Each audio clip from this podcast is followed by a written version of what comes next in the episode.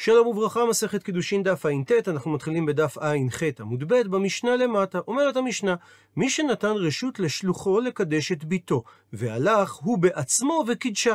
אז אם הקידושים שלו קדמו לקידושי השליח, קידושיו קידושין, שבכך שהוא קיבל את הקידושין עבור ביתו, מוכח הדבר שהוא מבטל את שליחות השליח. ואם הקידושים של שלוחו קדמו, אז קידושיו של השליח קידושין.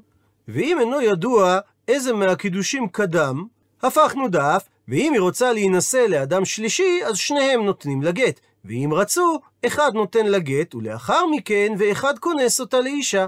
וממשיכה המשנה, וכן על אותו עיקרון, האישה שנתנה רשות לשלוחה לקדשה, והלכה היא וקידשה את עצמה, אז אם הקידושים שלה קדמו, אז קידושיה קידושין, ואם הקידושים של שלוחה קדמו, אז קידושיו קידושין. ואם אינם יודעים קידושיו של מי קדמו, אז אם היא רוצה להינשא לאדם שלישי, שניהם נותנים לה גט. ואם רצו, אז אחד נותן לה גט, ולאחר מכן, ואחד כונס אותה לאישה. וממילא נשאלת השאלה, למה הייתה צריכה המשנה לחזור על אותו עיקרון בשני מקרים שונים? אומרת על כך הגמרא וצריכה. היה צורך בדבר. דאי אשמעינן גבי דידי. אם המשנה הייתה משמיעה לנו את הדין רק לגבי האב שקידש את ביתו, אז היינו חושבים שקידושיו מבטלים את קידושי השליח רק משום דגברא קימלי ביוחסין. שגבר בקיא בענייני יוחסין, ולכן כאשר האבא מצא חתן מיוחס, הוא קידש לו את ביתו, ועל ידי כך הוא ביטל את השליח. אבל איתתא דלא קימלה ביוחסין, אבל אישה שלא בקיאה כל כך בענייני יוחסין, אימה הייתי חושב לומר שלא ניהבו קידושי הקידושין. שאף על גב שהיא קידשה את עצמה, היא לא התכוונה לבטל בכך את קידושי השליח, והיא לא שמחה על קידושיה, שהיא סברה אולי מצא השליח בעל מיוחס ממה שהיא מצאה ויחולו קידושיו. ולכן הייתה המשנה צריכה לומר את המקרה השני, מאידך גיסא, ויש מעינן גבי דידה. אם המשנה הייתה משמיעה לנו רק את הדין לגביה, אז הייתי אומר שזה משום דאיתיתא דייקה ומינסבה. שאישה שבאה לקדש את עצמה, מדייקת ומתחתנת דווקא עם אדם שהוא מיוחס. אבל היא הוא, אביה לעומת זאת, אימה לא אכפת לי. שאולי לאביה לא אכפת כל כך לקדש את ביתו, ובלבד שהיא תינשא לאדם שמיוחס כלשהו, כך שהוא לא התכוון לבטל את שליחות השליח, אפילו אם הוא קידש אותה לאדם גרוע ממה שהאבא קידש אותה. והסיבה שקדם האבא וקידש אותה, מפני שהוא סבר שאולי השליח לא ימצא למי לקדש אותה, אבל אם השליח כן מצא למי לקדש אותה, במקרה כזה האבא לא התכוון לבטל את קידושיו. ולכן הייתה צריכה המשנה להשמיע לנו את שני הדינים. ומביאה הגמרא איתמר פתיחה למחלוקת המוראים. במקרה שקידשה אביה בדרך, ובמקביל בו ביום, וקידשה היא את עצמה בעיר, והרי היא בוגרת. הוא מסביר רש"י שבדקו אותה כדי לדעת אם היא יצאה מרשות האב להיות קידושי הקידושין, ואכן מצאו שהיא נהייתה בוגרת, דהיינו ברשות עצמה בו ביום. רב אמר שבמקרה כזה הרי היא בוגרת לפנינו, ולכן קידושי הקידושין ולא הקידושים שאביה קיבל עבורה. ושמואל לעומת זאת אמר שגם במקרה כזה חיישינן לקידושי שניהם, ולכן היא צריכה לקבל שני גיטין, מהחשש שמא כשקידשה האב היא הייתה נערה וקדמו קידושיו. ונזכר בהגדרות האישה. עד גיל 12 היא נחשבת קטנה. לאחר גיל 12 וחצי, דהיינו 12 ושישה חודשים, היא נחשבת בוגרת, ומגיל 12 עד 12 וחצי היא נחשבת נערה. אלא אם כן בפרק הזמן הזה הופיעו בגופה סימני בגרות. ושואלת הגמרא אימת, על איזה תקופת זמן בחיי האישה נחלקו רב ושמואל? אלא אם האם תאמר שהם נחלקו בתוך שישה חודשים שבהם היא מוגדרת נערה, בהא נעימה, האם ייתכן שעל תקופת הזמן הזאת אמר רב שהרי היא בוגרת לפנינו? והרי ייתכן שרק השתא עכשיו הוא דבגרה. שהרי כל אותם שישה חודשים היא בחזקת נערה, אלא אם כן נכיר בסימני בגרותה. וכאשר בדקנו אותה בערב ומצאנו שהיא כבר בוגרת, מי ערב לנו שגם בבוקר היא הייתה בוגרת, ואולי רק עכשיו היא בגרה? אלא תאמר שהם דיברו על התקופה שלאחר שישה חודשים, והאם ייתכן בהא נעימה שבמציאות הזאת אמר שמואל שחיישינא לקידושי שניהם, והאמר שמואל שאין בין נערות לבגרות אלא שישה חודשים בלבד. וודאי משמלאו לה שישה חודשים היא כבר בגרה. מתרצת הגמרא לא צריכה, לא הוצרכו רב ושמואל לחלוק, אלא במקרה דקדיש בהוא יומא דמשלים שישה. שהקידושים היו בדיוק באותו יום של ה-12 וחצי, שבו היא עוברת מחזקת נערה לחזקת בוגרת. כאשר אביה קידש אותה בבוקר, והיא קידשה את עצמה בערב. והיום הזה עצמו היא בחזקת שתיבגר. שרב אמר במקרה כזה, הרי היא בוגרת לפנינו, ומדהשתא בוגרת, בצפרא נמי בוגרת. ומזה שעכשיו היא בוגרת לפנינו, אז זה מוכיח שגם בבוקר היא הייתה כבר בוגרת. ושמואל לעומת זאת אמר, שחוששים לקידושי שניהם, מפני שאולי רק השתאו דהייתי סימנים. אולי רק עכשיו היא הביאה סימני בגרות, אבל בבוקר היא עדיין הייתה נערה. ולכן קיים החשש שמחלו הקידושים שקיבל האב עבורה. הוא מביא עכשיו הגמרא שתי שאלות על שמואל. שאלה ראשונה, ושמואל, מה ישנה? במה שונה המקרה הזה ממקווה? דתנן, ששנינו את המשנה הבאה במסכת מקוואות. מקווה שנמדד ונמצא חסר. כך שכרגע ברור לנו שאין בו 40 שאה, אז כל הטהרות שנעשו על גביו למפרע.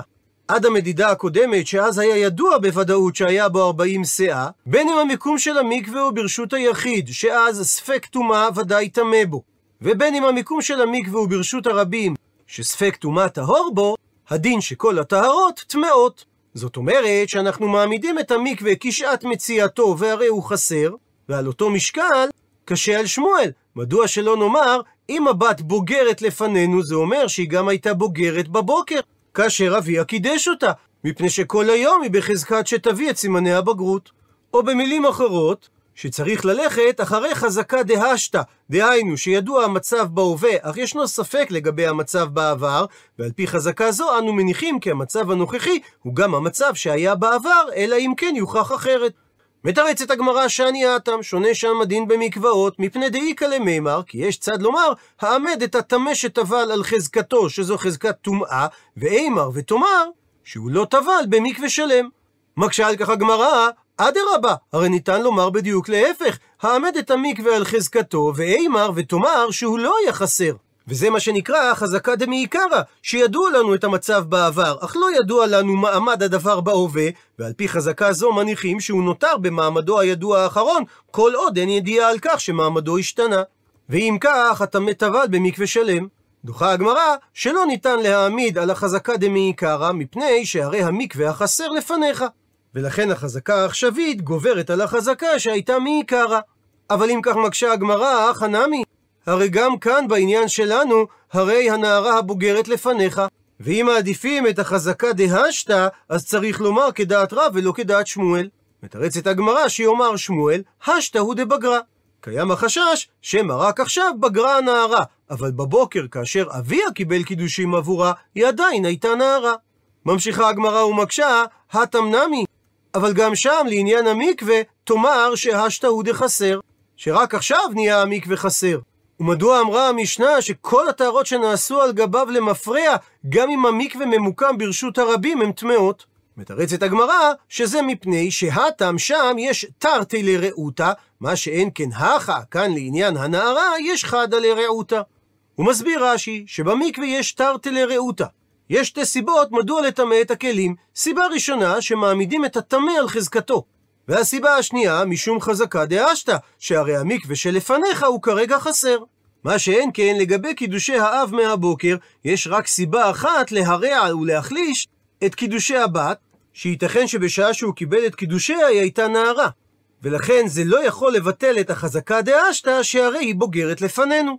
ומעיר רש"י שלא ניתן לומר, העמד אישה על חזקתה דמעיקרא, והרי היא נערה, מפני שהגמרא העמידה שמדובר באותו יום בו הסתיימו ששת החודשים שבהם היא הייתה נערה, ובאותו יום היא לא בחזקת בגרות ולא בחזקת נערות, מפני שזה היום בו היא עשויה להשתנות. ושואלת הגמרא שאלה שנייה על שיטת שמואל, ושמואל, מה ישנה מחבית? במה שונה דין הנערה מדין החבית דתניא, ששנינו בתוספתא במסכת תרומות. ומדובר על מציאות של אדם שהיה בודק את החבית באופן תמידי לבדוק שהיא לא החמיצה, על מנת להפריש עליה תרומה זאת אומרת, להיות סומך על אותה חבית בהפרשת תרומותיו כשהוא בא לשתות מחביות אחרות. זאת אומרת, שאם יש לו 100 לוגין תבל בחבית אחרת, אז הוא אומר, הרי שני לוגין באותה חבית פלונית שהם תרומה על 100 לוגים הללו. והולך ועושה כך באופן תדיר. ואחר כך נמצאת אותה חבית חומץ.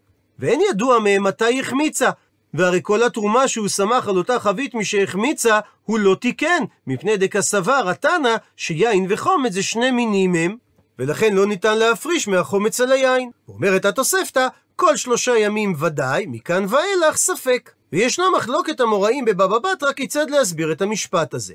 יש מי שאומר שהכוונה שכל שלושה ימים הראשונים שאחר הבדיקה שהוא בדק את החבית ומצא אותה יין, רק אז הרי היא בחזקת יין ודאי, כך שכל הדבלים שהוא תלה את תרומתן באותה חבית באותם שלושה ימים הם ודאי מתוקנים הם. אבל מכאן ואילך ספק. והיות שהיא ספק, היא נחשבת כתרומה לעניין לייסר לזרים, ובכל זאת צריך לחזור ולתרום, דשמא כבר החמיצה ולא הייתה תרומה. ויש מי שסובר שכך כוונת התוספתא, שכל שלושת הימים שלפני בדיקה זו האחרונה שמצאה חומץ, אז הרי היא בחזקת ודאי חומץ, כך שאם באותם שלושה ימים הוא תרם תרומה על מקום אחר, היא ודאי אינה תרומה והיא תהיה מותרת לזרים. אם הוא יתקננה עכשיו מתבלה. מפני שיין לא הופך להיות חומץ גמור בפחות מתהליך של שלושה ימים, אז החבית הזאת שנמצאה החומץ, בידוע שלפחות לפני שלושה ימים נתקלקלה. אבל מכאן ואילך, דהיינו למפרע לפני אותם שלושה ימים, יש ספק האם זה כבר היה חומץ, כך שכן מתייחסים לזה כתרומה לעניין לייסר לזרים, אבל הוא צריך לחזור ולתרום, מחשש שמא החבית כבר החמיצה, וממילא תרומתו לא הייתה תרומה. ותוספות מביא את הדעה השלישית שמפרשת את אותה תוספתא בבבא בתרא, שהמילים כל שלושה ימים מתייחסים גם לימים הראשונים, שאז ודאי החבית הייתה יין, וגם לשלושת הימים האחרונים, שאז החבית ודאי הייתה חומץ. ובין שלושת הימים הראשונים לשלושת הימים האחרונים, קיים הספק האם החבית כבר החמיצה או לא. ואומרת הגמרא, ורמינן, והקשנו מהתוספתא לגבי חבית, המשנה שדיברה על המקווה. מה ישנה דהכה ודאי ומה ישנה דהכה ספק?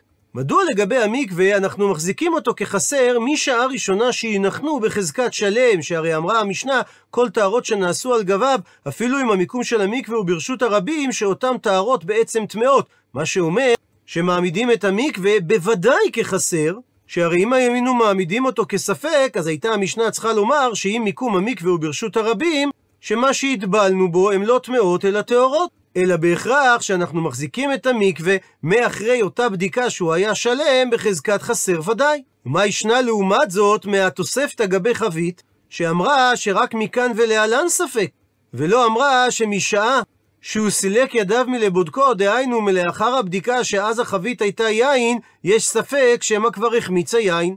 וענה ואמר על כך רב חנינא, וכנראה הגרסה הנכונה מסורה, מן תנא, מי התנא ששנה את התוספתא של חבית? שיטת רבי שמעוני, שסובר דגבי מקווה נמי ספק המשווה. שלשיטתו, גם במקרה של המקווה, מה שהטבילו בו יהיה פסול למפרע בתורת ספק ולא בתורת ודאי. והמקור לדבריו דתניא, ששנינו בתוספתא במסכת מקוואות. כל טהרות שנעשו על גביו למפרע, בין ברשות היחיד בין ברשות הרבים טמאות, ורבי שמעון חולק ואומר, שהטהרות שנעשו על גביו, במידה והמקווה ממוקם ברשות הרבים, הרי הם טהורות. שהרי ספק טומאה ברשות הרבים טהור. וגם אם המקווה ממוקם ברשות היחיד, רבי שמעון חולק ואומר, שהם לא טמאות בוודאי, אלא תולין את אותם טהרות כספק טמאות.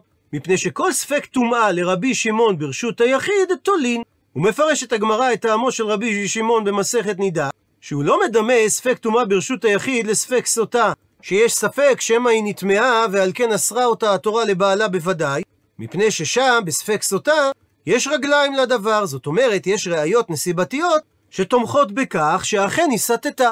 עד לכאן תשובתו של רב חנינא מסורה, וממילא מקשה הגמרא על שיטתו של שמואל, אבל זאת אומרת שלרבנן, שחלקו על רבי שמעון, וסברו שהמקווה פסול למפרע בתורת ודאי, אז על אותו עיקרון, גם לגבי החבית, כל מה שנתקן על ידי חבית זו, הרי הוא תבל למפרע.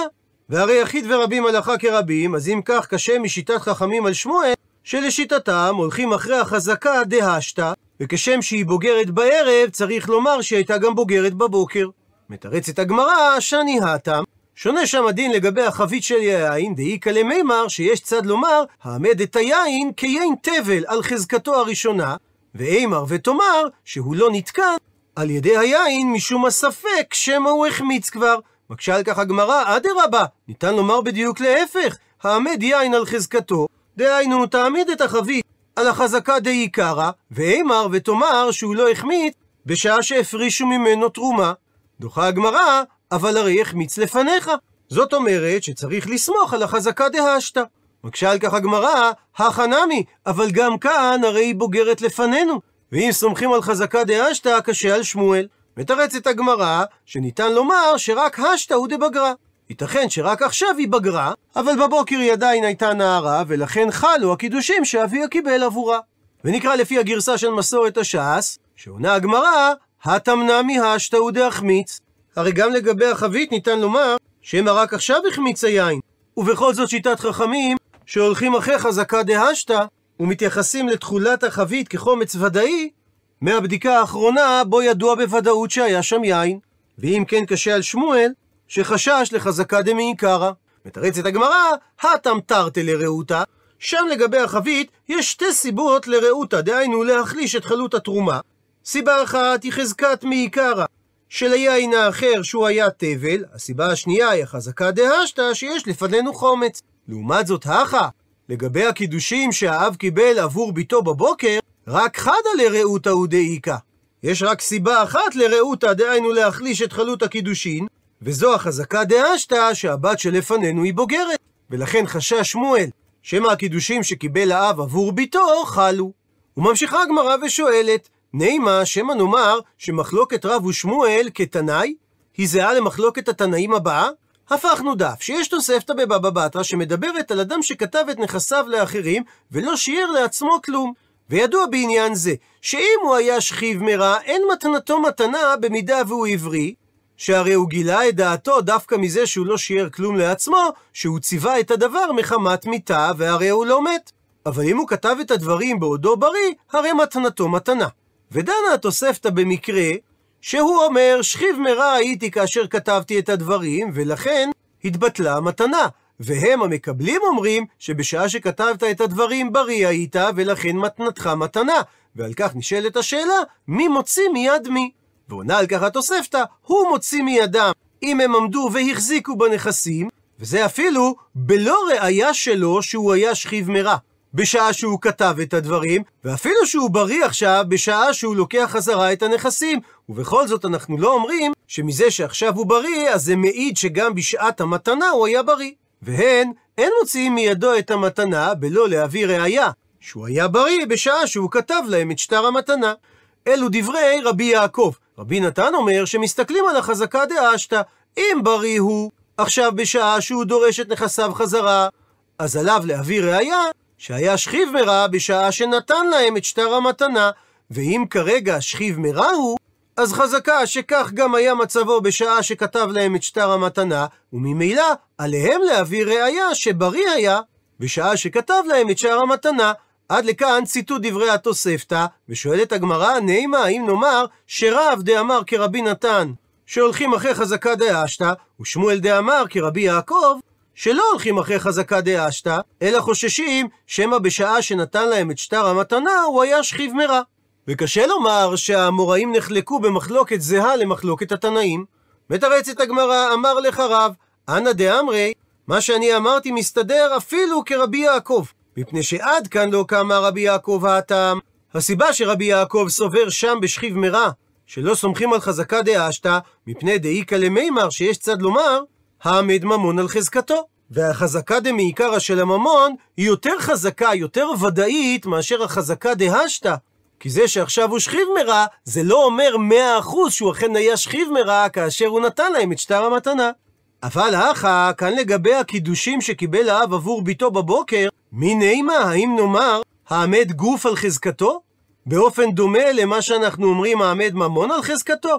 הרי הגמרא העמידה את מחלוקתם של רב ושמואל ביום הספציפי בו הושלמו ששת החודשים בהם היא הייתה נערה, ובאותו יום היא לא בחזקת נערות ולא בחזקת בגרות, שהרי באותו יום היא עומדת להשתנות. ולכן אומר רב שיסכים רבי יעקב לדבריו. ושמואל מצידו אמר, אנא דאמרי, אני אמרתי את דבריי אפילו לרבי נתן. מפני שעד כאן לא קמה רבי נתן האטם, שהסיבה שאמר רבי נתן, שאם האדם שלפנינו הוא בריא, אז לא חוששים שהוא היה שכיב מרע כאשר הוא כתב את שטר המתנה, זה לא משום שהוא הולך אחרי חזקה דאשתא, אלא משום דכולי עלמא בחזקת בריאים קיימי, שכל זמן שאין הוכחה אחרת, אז כל אדם שעומד לפנינו הוא בחזקת בריא, ומאן דקמפיק נפשי מחזקה, הווי עלי להטויי ראיה. ומי שרוצה להוציא את עצמו מחזקת הרוב, צריך להביא על כך ראיה. אבל האחה, כאן לגבי הקידושים שקיבל האב עבור ביתו בבוקר, מי כמפ כנפשי מחזקה דקמי? הרי חזקת הרבה נערות ביום של המעבר מנערות לבגרות, שהן עדיין לא מביאות סימני בגרות, כך שהנערה שבפנינו לא הוציאה את עצמה מחזקת הרוב, ולכן אומר שמואל שבמקרה הזה יסכים רבי נתן לשיטתי, שלא סומכים על החזקה דאשתא, לקבוע בוודאות שאותה נערה כבר הייתה בוגרת בבוקר. ממשיכה הגמרא ושואלת, נימה, אולי נאמר שמחלוקת רב ושמואל כהנא תנאי היא כמחלוקת התנאים הבאה, שאומרת הברייתא, אם קידשה אביה בדרך, וקידשה היא את עצמה בעיר, והרי היא לפנינו בוגרת, תנא חדא, ברייתא אחת אומרת שהרי היא בוגרת לפנינו, וזה תואם לדברי רב, ותניא אידך, וברייתא אחרת אומרת, חיישינן לקידושי שניהם, וזה תואם לדברי שמואל. אז מה אליו? האם לא בהכרח שאחד מהתנאים סובר כרב ואחד מהתנאים סובר כשמואל? וקשה לומר שנחלקו האמוראים במחלוקת תנאים שקדמה להם. מתרצת הגמרא שלא זו הסבר המחלוקת בין הברייתות, אלא אידי ואידי, גם הברייתא הזו וגם הברייתא הזו סוברות כשמואל. כאן בברייתא הראשונה, שאמרה שהולכים אחרי חזקה דאשתא ולא חוששים לקידושי האב, מדובר במכחשתו הבת את האב, ואומרת לו, הרי כבר בגרתי מאתמול. ובמקרה כזה גם שמואל מסכים שקידושי האב לא חלים. כאן לעומת זאת, בברייתא השנייה שתואמת לדברי שמואל, מדובר בשאין מכחשתו. ולכן קיים החשש שמחה לו הקידושים שהאב קיבל עבורה.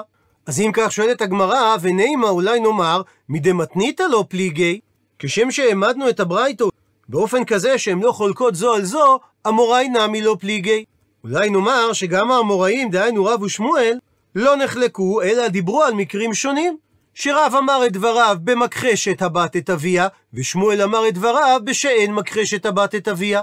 דוחה הגמרא ותסברה, האם תסבור לומר כך? הרב יוסף ברי בנו דרב מנשיה מדוויל, עבד עובדא ופסק הלכה כבתי כשיטת דרב, והקפיד עליו שמואל. ואמר שמואל בעקבות הפסק הזה, כולי עלמא קיילה בקו הזוטא?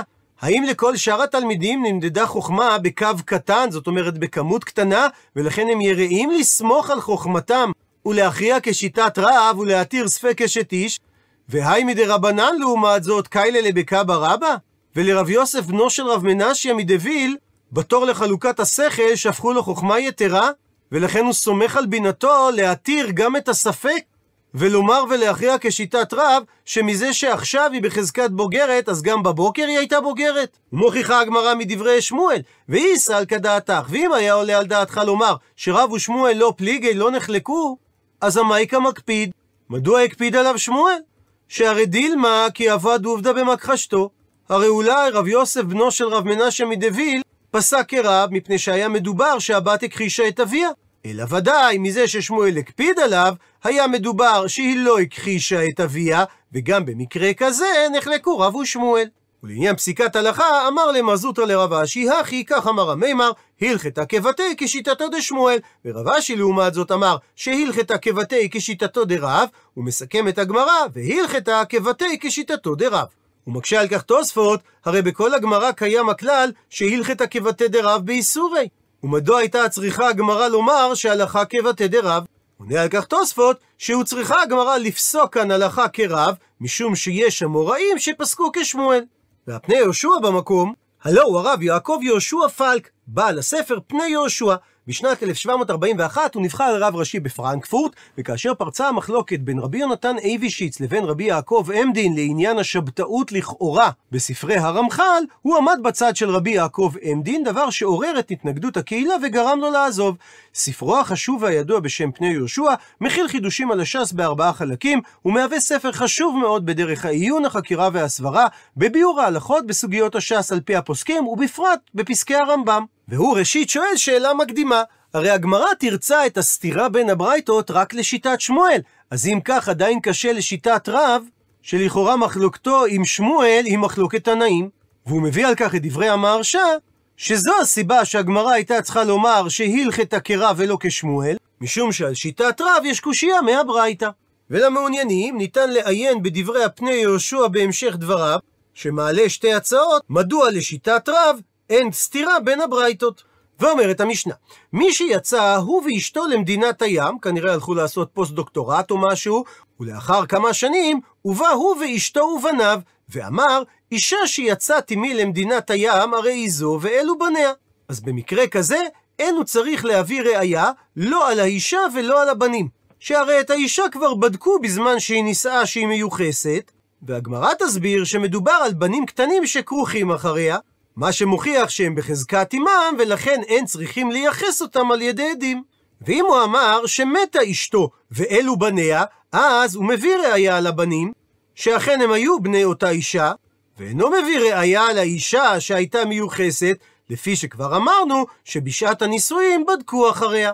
ואם הוא אומר, אישה נסעתי במדינת הים, הרי היא זו ואלו בניה. אז במקרה כזה, הוא מביא ראייה על האישה שהיא מיוחסת, ואין צריך להביא ראייה על הבנים, שהרי הגמרא תעמיד שמדובר בבנים קטנים שכרוכים אחריה. ואם הוא אומר שהוא נשא אישה במדינת הים, אבל מתה האישה ואלו בניה, אז הוא צריך להביא ראייה על האישה ועל הבנים. מסביר רש"י ראייה על האישה שהייתה מיוחסת, ועל הבנים שהם מאותה אישה. ואומרת הגמרא שאמר רבא בר אבונה, וכולן, דהיינו כל המקרים במשנה שנאמר עליהם שאין צריך להביא ראייה על הבנים, מדובר בכרוכים אחריה. דהיינו בבנים קטנים שנדבקים אצלה. ולשם הרחבה מביאה הגמרא תנו רבנן שנו רבותינו בתוספתא. אדם שאומר, אישה נסעתי במדינת הים, הוא מביא ראייה על האישה, ואין צריך להביא ראייה על הבנים. הוא מסיים את התוספתא ואומרת, באילו בנים אמרו שהוא לא צריך להביא ראייה עליהם, דווקא בקטנים ולא גדולים, שאם הוא מביא ראייה על הגדולים, שהם לא כרוכים אחריהם, ואין הוא צריך להביא ראייה על הקטנים שכרוכים אחריה. אבל מסייגת התוספתא ואומרת, במה דברים אמורים שהוא לא צריך להביא ראייה על הקטנים, דווקא כאשר הוא נשא באישה אחת.